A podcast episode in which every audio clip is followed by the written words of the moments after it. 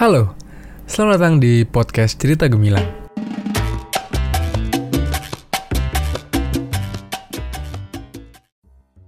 Ini adalah episode pertama yang akan membahas soal siapa sih gue dan kenapa gue bikin podcast ini. Um, podcast ini gue rekam di tanggal 18 Maret 2019 jam setengah 10 malam di Jakarta. Um, gue akan selalu opening dan greeting kalian dengan cara itu. Uh, I mean, gue akan selalu ngasih tahu kalau ini direkam kapan, di mana dan jam berapa. Karena gue pengen podcast gue itu menjadi hmm, semacam arsip buat gue. Suatu saat gue pengen nostalgia, denger dengerin cerita gue dulu, hmm, gue bisa balik ke podcast gue dan tahu itu gue rekam kapan. Karena gue adalah orang yang pelupa, gue, hmm, ya, gue, gue sulit banget melupakan, eh, gue sulit banget mengingat yang detail gitu. Gue kadang-kadang lupa um, tanggal berapa, jam berapa, atau lagi ngapain saat itu. Um, anyway, gue Muhammad Hafiz Gemilang. As you know from my Spotify name, itu nggak bisa dirubah. Gue nggak tahu kenapa. Gue pengen banget ngerubah sebenarnya, karena itu um, kepanjangan menurut gue. Gue pengen ngerubah jadi Muhammad Hafiz aja atau Hafiz Gemilang aja. Um, ya tadi nama gue Muhammad Gemilang dan podcast gue uh, simple aja gue namanya cerita gemilang. Karena um, ya why not gitu. Gue pakai nama belakang gue. Karena jujur gue bingung banget menentukan nama podcast ini dan gue nggak mau ambil pusing gitu. Jadi ya di sinilah kita. Kau mendengarkan suaraku. Dan ya I'm talking to you right now oke okay, jadi gue adalah seorang pria yang lahir di Medan. Terus gue um, 14 umur 14 tahun gue merantau ke Bandung untuk SMA terus gue pindah lagi ke Tangerang untuk ngambil studi sarjana gue di salah satu universitas swasta yang umurnya masih terbilang baru lah. Oh ya untuk major gue ngambil komunikasi walaupun fokus jurusan gue sebenarnya jurnalistik. Um, terus sekarang gue domisili di Jakarta karena gue kerja di salah satu agensi. Gue jadi videographer jadi um, host juga di situ kebetulan. Jadi tech reviewer sih sebenarnya.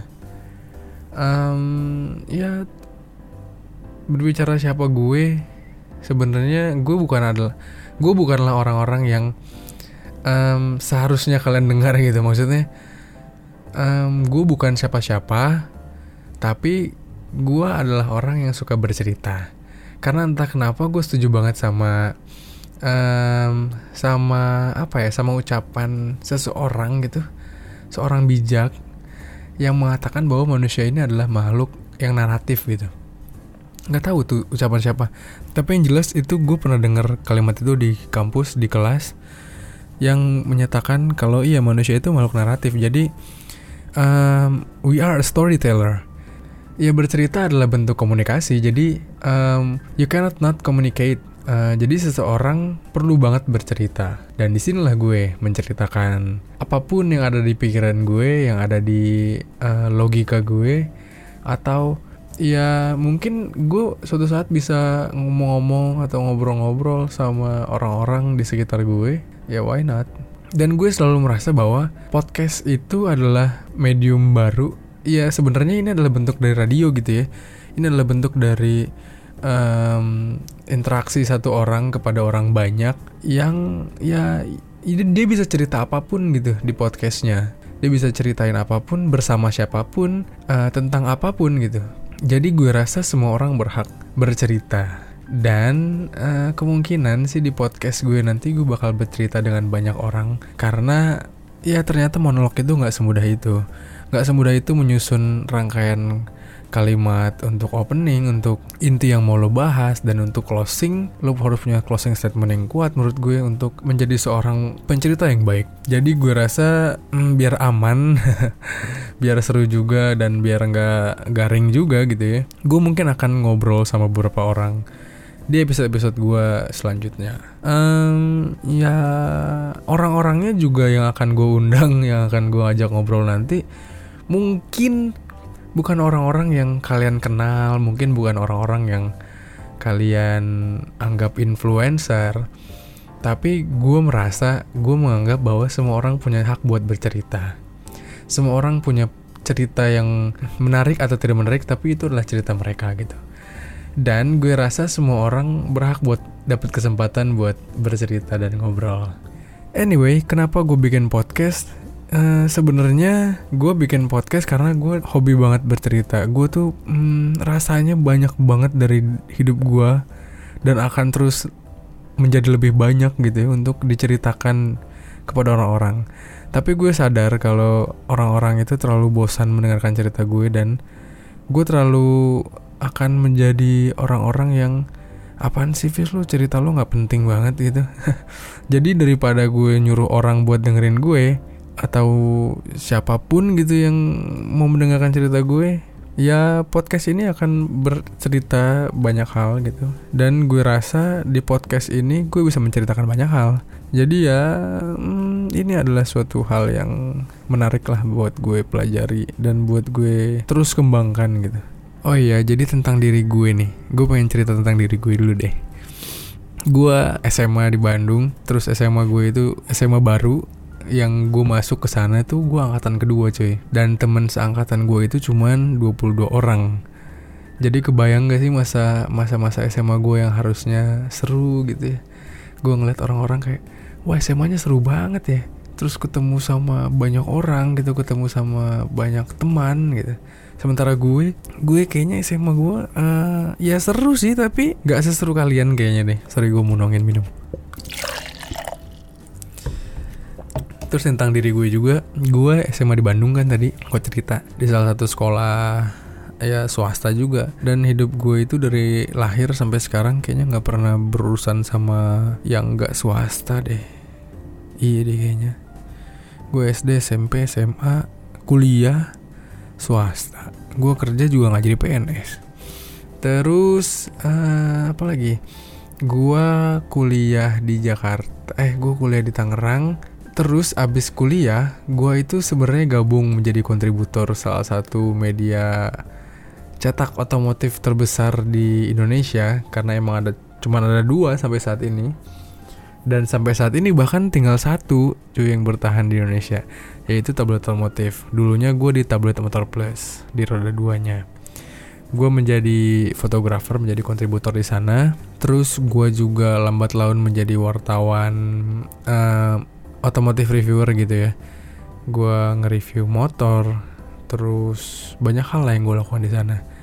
Sampai saatnya media itu gue menjadi bagian dari media itu tutup.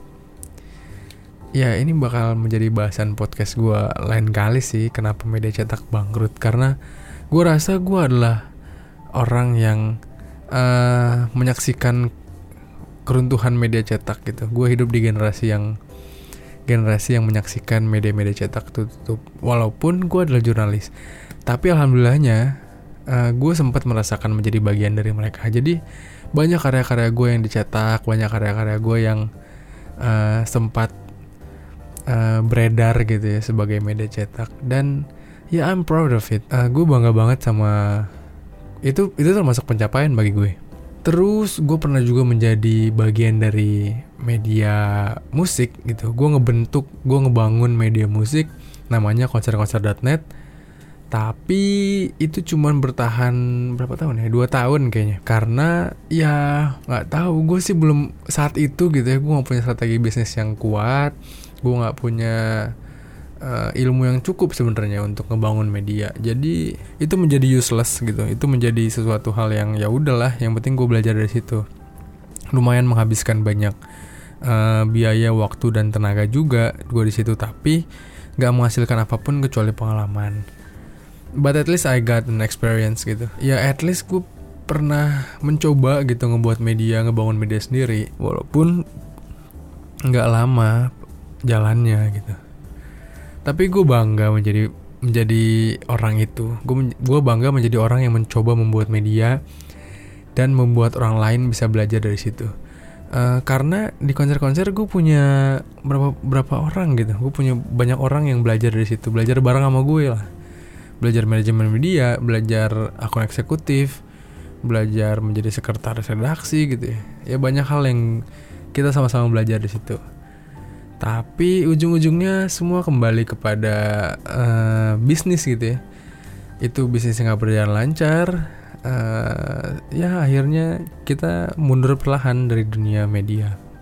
Terus tentang gue, gue sekarang kerja di agensi, gue kerja di agensi, gue itu kerja di salah satu perusahaan startup yang hampir tidak ada saingan di Indonesia karena bentuk bisnisnya itu termasuk yang unik gitu.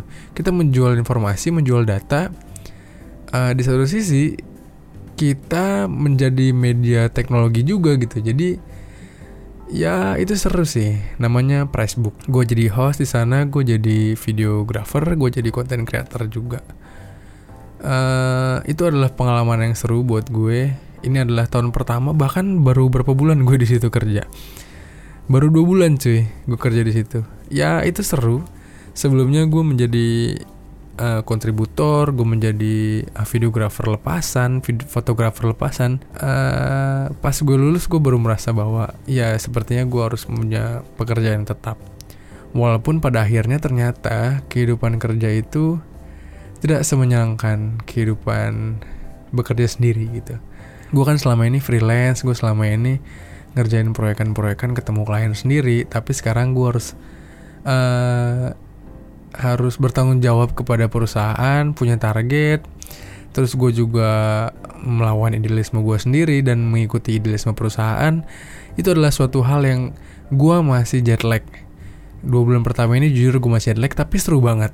Gue belajar banyak hal dari uh, pengalaman ini gitu, pengalaman tahun pertama gue kerja ini. Dan gue rasa ini adalah suatu hal yang menantang bagi gue. Sampai sejauh ini, ya nggak ada sih yang membuat gue merasa kesal gitu merasa muak merasa capek gitu. Gue melakukan apa pun dengan ikhlas karena ya gue digaji gaji dengan passion gue gitu. Gue dibayar karena passion gue. Membuat video membuat konten mereview teknologi ketemu sama barang-barang gadget baru gitu ya. itu adalah suatu hal yang menyenangkan bagi gue dan gue dibayar untuk itu. Jadi ya ya seru aja gitu Dulu juga seru gue kerja di media otomotif di Motor Plus kerja di tablet otomotif itu juga seru. Gue nyobain motor-motor baru uh, motoin mobil baru. Banyak hal yang gue lakukan yang orang lain tuh belum bisa dapatkan gitu. Ya gue jajal motor baru nyobain touring pakai motor yang bahkan kalian semua belum tahu itu motor apa gitu. Ya itu adalah suatu keseruan sih buat gue dan gue dibayar untuk itu. Jadi ya why not? Ini adalah pekerjaan yang seru sih bagi gue. Menurut gue kenapa gue nggak salah langkah? Karena sebelumnya cita-cita gue itu banyak banget. Uh, anyway gue uh, SMA pas UN aja gue belum tahu mau ngapain. Gue hmm, UN masih bingung mau ngapain nanti kuliah mau ngambil jurusan apa. Walaupun gitu dalam diri gue sebenarnya gue ada udah ada kecenderungan gue mau komunikasi eh, sejak SMA aja gue diikut-ikutan media online di Bandung namanya bandungsearch.com. Gue jadi fotografer di situ dan sering banget gue ketemu sama eh, liputan-liputan yang menyenangkan bagi gue. Kayak 2009 eh ya 2000 2011 gue itu ngerasain pertama kali gue liputan Java Jazz Festival 2011. Saat itu ya nggak tahu untuk anak SMA di kalangan anak SMA gitu di angkatan gue kayaknya cuman gue yang berkesempatan liputan langsung Java Jazz dengan akses yang ya liputan media gitu. Sementara teman-teman gue cuma bisa beli tiket terus ikut sama orang tuanya mungkin. Tapi gue datang ke situ untuk liputan untuk kerja motret gitu. Dan bagi gue itu adalah hal yang menyenangkan. Jadi sebenarnya komunikasi itu menjadi plan uh, menjadi salah satu pilihan cita-cita gue gitu lah. Gue kuliah di komunikasi. Walaupun saat itu pilihan pertama gue adalah HI gue pengen banget jadi diplomat sih nggak tahu kenapa. Uh, nah cita-cita gue yang kedua sebenarnya ini adalah cita-cita gue yang uh, terakhir kayaknya.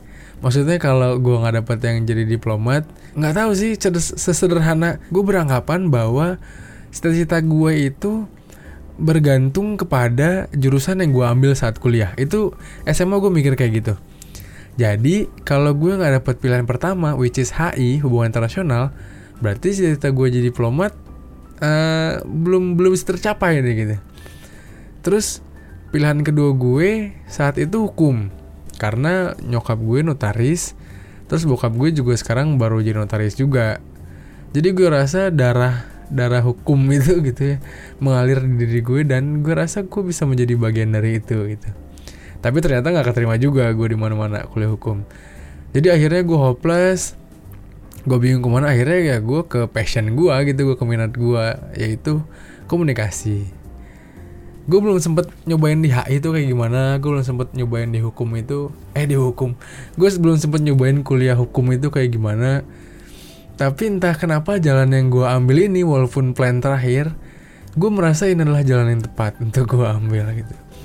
Ya nggak tahu cita-cita gue menjadi diplomat. Mungkin bisa ketika gue lulus S2 nanti.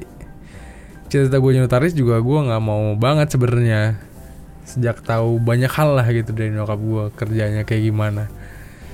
Dan ya gue mengambil multimedia journalism ini menurut gue udah paling benar sih karena zaman semakin maju perkembangan internet semakin maju terus pembuat konten pembuat konten apa pun gitu semakin uh, seksi gitu pekerjaan yang menarik gitu.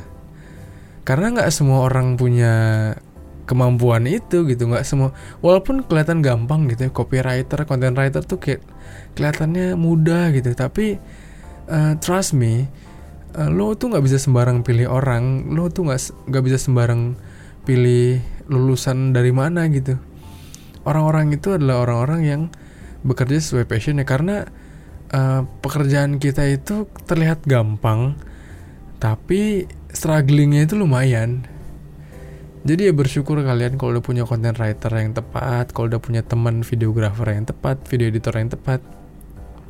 Karena nggak gampang menemukan orang yang tepat. Hmm, ngomongin soal apa lagi ya? Gue udah ngomongin soal SMA gue yang gak seru, gue ngomongin soal kuliah gue yang uh, ternyata pilihan yang tepat buat gue gitu. Ngomongin kerjaan, ya nggak tahu sih gue baru kerja baru kerja sama perusahaan yang proper gitu baru dua bulan. Walaupun sebelumnya gue pernah kerja kerja ngontrip atau freelance di tempat-tempat lain gitu. Jadi ya gue rasa gue belum punya banyak hal buat ceritakan soal pekerjaan kalau nyeritain yang lain sih ya gue rasa ada ada di episode lain lah nanti karena nggak tahu sebenarnya di episode gue eh di podcast gue ini gue mau ngebahas apa aja gitu jadi gue nggak mau kehabisan ide-ide untuk eh, episode -episode yang akan datang gitu ya biarkanlah ini menjadi sesuatu yang tanggung, sesuatu yang kentang gitu. Supaya siapa tahu kalian pengen dengerin gue lagi. uh, anyway, gue berapa kali coba kalian catat gue berapa kali ngomong anyway. Karena gue nggak tahu apa lagi gitu kalimatnya. Masa gue tiba-tiba ngomong, oke okay guys, ke depannya sih harapan gue podcast gue ini dapat menjadi sesuatu yang mm, selain arsip aja buat gue selain uh, ajang buat gue cerita semoga ada cerita yang relevan gitu buat hidup kalian. Semoga ada cerita yang kalau kalian dengerin kayak ini iya ya ini gue juga ngerasain. Gitu. Jadi kita minimal ada kedekatan secara uh, apa ya berarti kedekatan secara emosional mungkin antara pendengar saya. Apa sih? Uh, tentang podcast gue podcast gue gue gue nggak akan selalu isi dengan konten-konten monolog seperti ini. Gue nggak akan uh, banyak bacot sendirian. Gue nggak mau ngomong banyak sendirian. Jadi gue kayaknya ke depan bakal ngajakin banyak orang buat ngobrol. Walaupun orang itu bukan influencer ingat gue bakal ngobrol sama orang-orang random aja gitu teman-teman gue yang tiba-tiba main ke uh, apartemen gue tiba-tiba ngajakin nongkrong gitu. Jadi ya gue pengen kolaps aja cerita-cerita sama mereka. Ya kalau lo setia denguin setia dengerin gue gue bersyukur gue seneng gue seneng juga sih ada yang dengerin cerita cerita gue. Tapi kalau enggak juga ya nggak apa-apa lumayan buat nanti suatu saat misalnya keturunan gue pengen dengerin bokapnya kayak apa zaman dulu atau nanti gue punya cucu pengen dengerin kakeknya kayak apa zaman dulu ya kayak gini nih kayak gini gue gue suka cerita-cerita aja gitu Ya, dan sekarang sampailah kita di saat di mana gue nggak tahu cara menyudahi, uh, cara mengakhiri podcast episode pertama ini. Mungkin kayak orang lain punya punchline atau uh, punya apa pun, tapi gue bener-bener nggak nggak tahu ide yang baik buat apa ya, gimana ya cara mengakhiri ya. Gue nggak tahu sih mengakhiri dengan apa, tapi eh gue rasa tahu, gue rasa tahu, gue tahu mengakhirinya kayak gimana gue mau bilang kalau ya ini adalah cerita gue dan gue akan terus bercerita. Bye.